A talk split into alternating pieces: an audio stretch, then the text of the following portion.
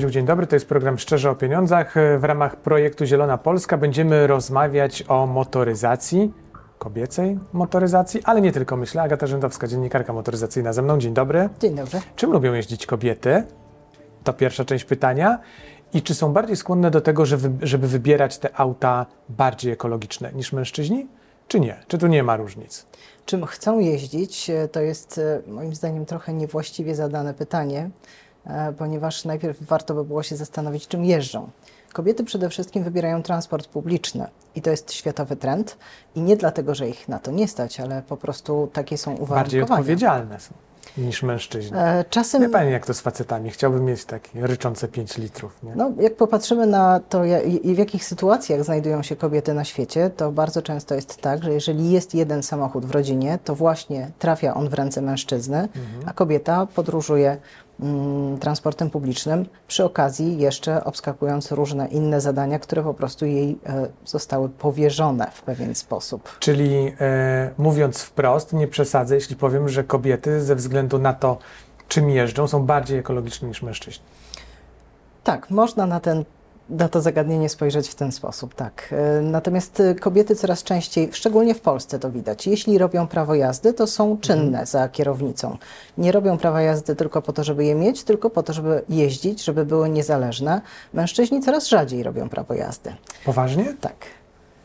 Ciekawe, czy są takie sytuacje w, w, rodzinach, że to kobieta jeździ, ma samochód, a mężczyzna nie ma prawa jazdy i nie jeździ. Myślę, że coraz częściej i coraz częściej będziemy to obserwować. No dobrze, a jak kobieta już wybiera samochód, to czym się kieruje? Przy zakupie samochodu używanego przede wszystkim rozsądkiem i pokazują to dane w kolejnych latach. Jeśli e, myśli w ogóle o zakupie samochodu, to robi dogłębną analizę, stara się dowiedzieć jak najwięcej na temat tego, co chce kupić, bardzo skrupulatnie przygotowuje budżet i kobiety dużo częściej niż mężczyźni nie wyczerpują całego budżetu na wybrany samochód. Mężczyźni wydają więcej niż zakładali, kobiety wydają mniej niż zakładały. A to wynika z tego, że są bardziej odpowiedzialne, jeśli chodzi Tak. o finanse rodziny na przykład? Rzadziej e, emocjonalnie podchodzą do zakupu, dużo Aha. więcej uwagi poświęcają temu, czy samochód będzie trwały, ile będzie kosztował e, w ostatecznym rozrachunku, czyli potrafią liczyć TCO. Czyli e, będą się zastanawiały też nad tym, ile ten samochód będzie palił. Tak, będą się też zastanawiały nad tym, ile będą kosztowały opony, ile będzie kosztowało ubezpieczenie, ile wydadzą na parkingi i inne wszelkie koszty związane z posiadaniem i użytkowaniem samochodu. Czyli kobiety do aut przywiązują się mniej niż mężczyźni i traktują je mniej emocjonalnie niż, niż faceci? Narzędziowo, zdecydowanie bardziej narzędziowo.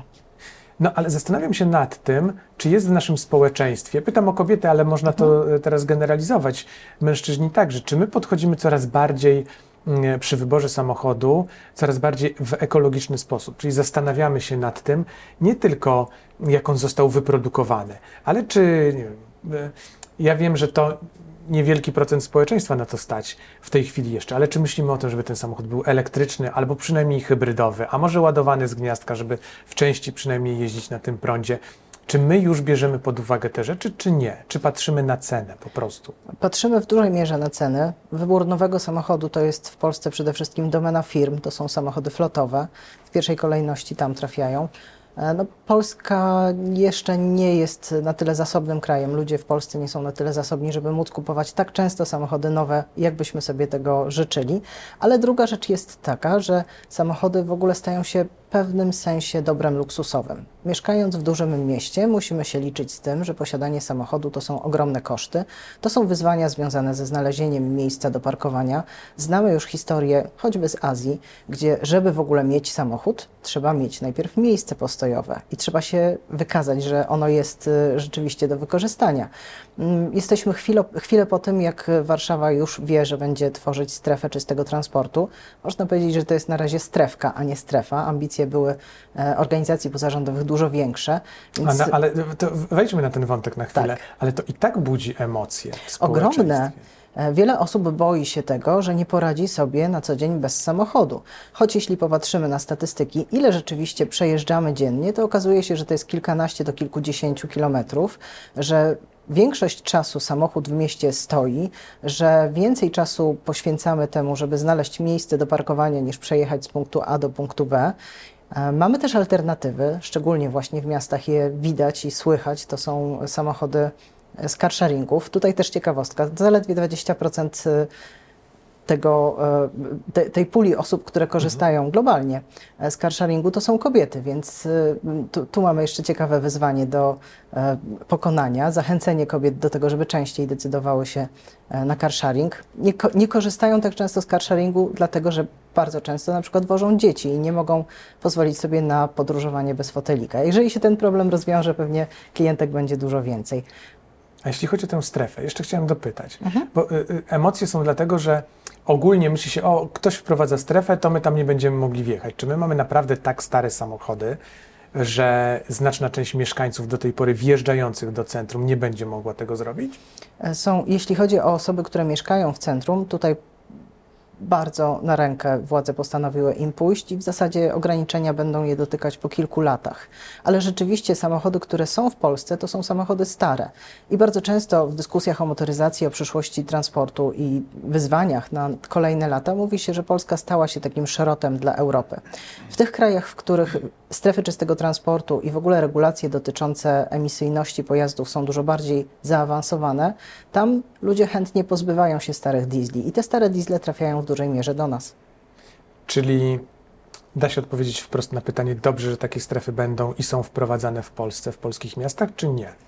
E, Obligują nas do tego pewne przepisy. Mamy przekroczone normy emisji i normy jakości powietrza, w związku z tym będziemy działać na rzecz ludzi, którzy mieszkają w tych, e, w, właśnie w tych obszarach, w których e, na przykład zanieczyszczenie tlen, tlenkami azotu jest wysokie.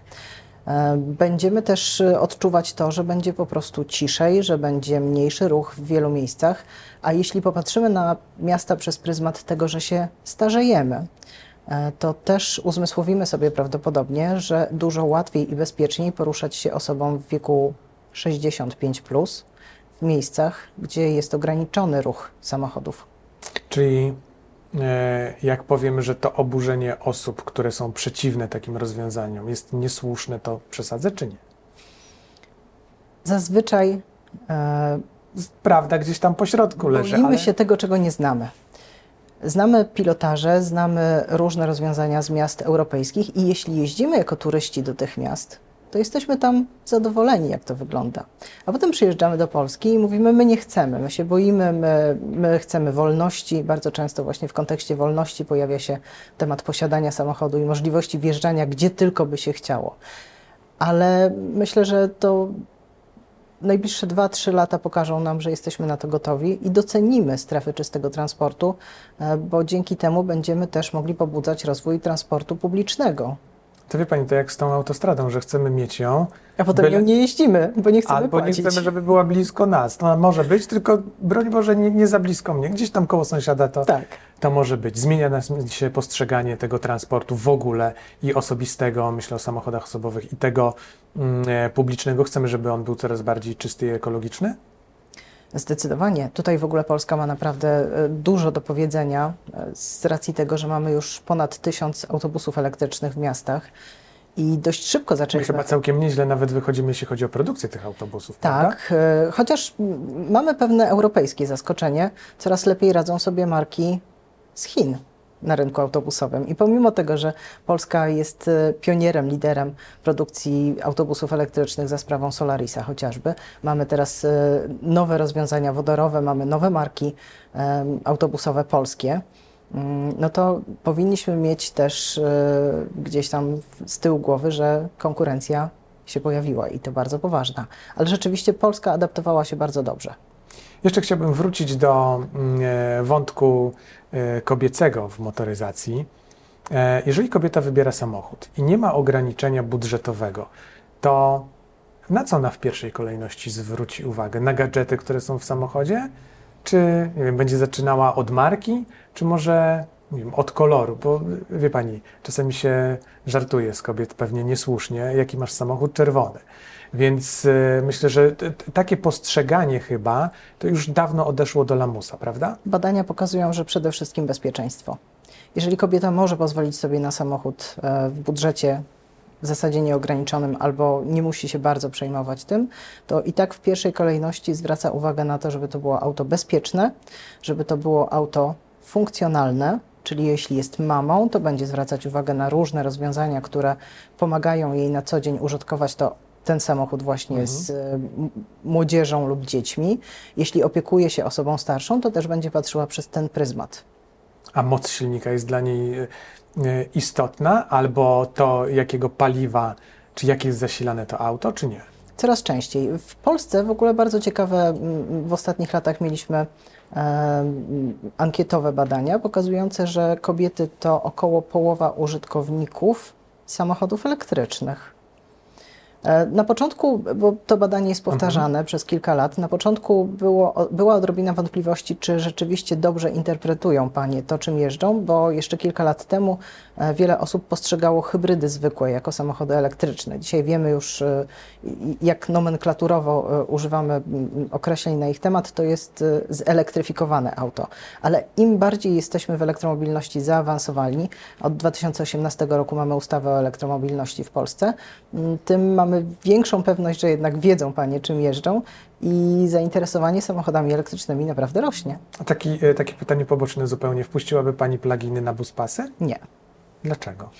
E, Bo mam za sobą testy prawie wszystkich pluginów, które są na rynku i to są samochody, które w tej chwili oferują bardzo nikczemne, bym powiedziała, zasięgi między 30 a 60 km w większości, a ja naprawdę jestem mistrzynią e, delikatnego muskania i jeżdżenia z e, jedną nogą tylko. Mm, Jest kilka marek, które oferują do 100 km, ale pamiętajmy, że to jest technologia schodząca z rynku. Gdybyśmy rozmawiali o tym 5 lat temu, pewnie tak bardzo szybko nie zaprotestowałabym. Dzisiaj mamy dużo lepsze rozwiązania, rzeczywiście zeroemisyjne i wydaje mi się, że niepotrzebne byłoby teraz e, dodatkowe wprowadzanie e, analizy danych albo sczytywanie, czy faktycznie samochód, bo jesteśmy w stanie to robić, czy faktycznie samochód porusza się po buspasie, wykorzystując napęd wyłącznie elektryczny, jeśli nie, to potem e, karać kierowców, jeśli tego nie robią. Możemy to pominąć. A tych elektrycznych samochodów przybywa nam Pani zdaniem w wystarczającym, zadowalającym tempie, czy nie? W Polsce czy Mhm. na świecie? W Polsce. W Polsce mamy zarejestrowanych nieco ponad 50 tysięcy samochodów w pełni elektrycznych, czyli tak zwanych BEW-ów i mniej więcej drugie tyle sa- samochodów e, z napędem z wtyczką, czyli hybryd e, typu plug-in. Mm, Te przyrosty są bardzo zadowalające. Mm, Oczywiście chcielibyśmy, żeby było wszystko szybciej. E, Bardzo pomógł tutaj program e, subsydiów, czyli program Mój Elektryk, że ludzie zaczęli zwracać uwagę na to, że mogą z dopłatą kupić samochód elektryczny. No, jest to rozwój organiczny wciąż. No ale ma, mamy, mm, prze, przepłyniemy przez Bałtyk albo przejedziemy e, przez dwa duże mosty i jesteśmy w Norwegii, gdzie sprzedaż elektryków to już jest ponad 80% e, co miesiąc rynku nowych aut. E, Tam jest tak wysoka sprzedaż, bo A. stać ich, B. mają duże dotacje, czy tudzież mieli, czy ich świadomość jest wyjątkowo wysoka. E, To jest e, od wielu lat, od kilkunastu lat konsekwentnie realizowany plan, który stał się możliwy dlatego, że doszło do, między politykami do porozumienia ponad podziałami, absolutnie. E, Kolejne rządy nie wzruszały tego objętego celu, a celem jest 2025 rok, kiedy za sprawą polityki fiskalnej, nie zakazów, nie nakazów, ale polityki fiskalnej, samochody spalinowe nowe w zasadzie z rynku znikną. Są już pierwsze marki, które od kilkunastu miesięcy nie sprzedają aut spalinowych na norweskim rynku. Em, Subsydia jako takie, w takim wymiarze na przykład jak w Polsce, tam nie występują. Tam było zwolnienie z VAT-u. To zwolnienie z VAT-u było możliwe do osiągnięcia, dlatego że wprowadzono dość wysokie podatki dla samochodów spalinowych, czyli zasada zanieczyszczający płaci. Sfinansowała w dużej mierze e, rozwój elektromobilności. No jakby u nas zdjąć z VAT z samochodów, to była znacząca różnica. Tak, i Europa o tym też e, rozwiązaniu myśli. W Norwegii pomału przywileje dla posiadaczy samochodów elektrycznych odchodzą, tak jak to planowano, no bo nie można wpuszczać wszystkich na buspasy, jeśli na przykład w Oslo Wszyscy już mają samochody ponad elektryczne. tak. 30% y, aut, które w tej chwili tam jeżdżą, to są samochody elektryczne, dlatego w Oslo po buspasie można jeździć w określonych godzinach samochodem elektrycznym i w kilka osób. Mm, W tej chwili już są pobierane częściowo opłaty za parkowanie, to czego u nas w Polsce wciąż jeszcze nie robimy, E, no i różne inne przywileje. No, ale tak się właśnie nasyca rynek, tak się doedukowało społeczeństwo też i tam e, no już od kilku lat e, pierwszy samochód w rodzinie to jest samochód elektryczny. A jak pani patrzy na te wymogi, e, na to, że za chwilę nie będzie można produkować tych samochodów spalinowych, mm, to pani zdaniem to jest słuszne rozwiązanie? No jeżeli podchodzimy rzeczywiście poważnie do redukcji emisji, to zdecydowanie e, to nie jest dla nas temat nowy. Zresztą wrócę jeszcze do tego podatku zanieczyszczający płaci. E, Pierwsze rozmowy na ten temat w Polsce, żeby wprowadzić taki podatek, e, rozpoczęliśmy jeszcze przed wejściem w struktury unijne, czyli za chwilę minie nam 20 lat, kiedy nie udało nam się takiego podatku wprowadzić, ale prawdopodobnie najbliższe miesiące to zmienią. Mm, Więc y, po, po, powoli przygotowywaliśmy się wszyscy do tego. Nie można powiedzieć, że ktokolwiek z producentów e, czy z interesariuszy był zaskoczony, bo temat paliw alternatywnych w Unii Europejskiej to jest e, na przykład rok 2009-2011. Polska od początku była aktywnym uczestnikiem dialogu. To jeszcze jedno pytanie mam na koniec, takie chyba puentujące naszą rozmowę. Jak pani sądzi, czy e, w przyszłości będą tworzyły się nowe koncerny motoryzacyjne powstające czy produkujące tylko samochody elektryczne, tak od zera, tak jak e, powstała Tesla chociażby jakiś czas temu, czy generalnie e, będzie tak, że te, które produkują e, auta, przestawią się tylko na elektryczne już nic na tym rynku się nie wydarzy? Czy możemy być jeszcze zaskoczeni czymś? Możemy być jeszcze zaskoczeni, szczególnie w e, tych segmentach aut użytkowych i mikroaut. E, Mikromobilność e, w wymiarze niewielkich samochodów e, w tych kategoriach niższych, z, z, tak, tak jak mówimy o nich, bez prawa jazdy. Mhm. Tutaj się wiele jeszcze może zadziać, ale nie tylko Tesla mamy jako niezależnego nowego producenta. Mamy na przykład Lucid, to jest bardzo ciekawy pojazd, piękny. Prowadziłam. Super drogi, Super drogi, ale, wy- pomału. ale wygląda niesamowicie. Tak. Mamy A też. jeździ tak samo niesamowicie? Oj, jak tak. wygląda? Oj tak. W środku jest e, powalający. To jest jeden z Mhm. najbardziej e, oszałamiających we wnętrzu samochodów, którymi, który, który prowadziłam, a prowadziłam naprawdę A można dużo. go już sobie zamówić i w Polsce mieć? E, Można go nie? zamówić, nie ma oficjalnej dystrybucji w Polsce, natomiast można go kupić i po prostu tu użytkować. Jeden zdaje się już jest zarejestrowany. Showroomy są już w Europie w wielu miejscach, ale chciałabym znowu wrócić do Chin, bo to Chiny powołują do życia nowe marki, to Chiny e, sponsorują na początku startupy i mamy NIO, który jest e, jednym z ciekawszych przykładów e, rozwiązań w tej chwili Mhm. dostępnych na rynku elektromobilnym z battery swap, czyli z baterią, którą się w takich specjalnych stacjach wymienia. E, W tej chwili no nie cała Europa jest e, przewidziana w takiej pierwszej transzy inwestycji, ale Chiny już e, mają całkiem sporo. Widziałam te rozwiązania w Niemczech, widziałam je w Szwecji i w Norwegii.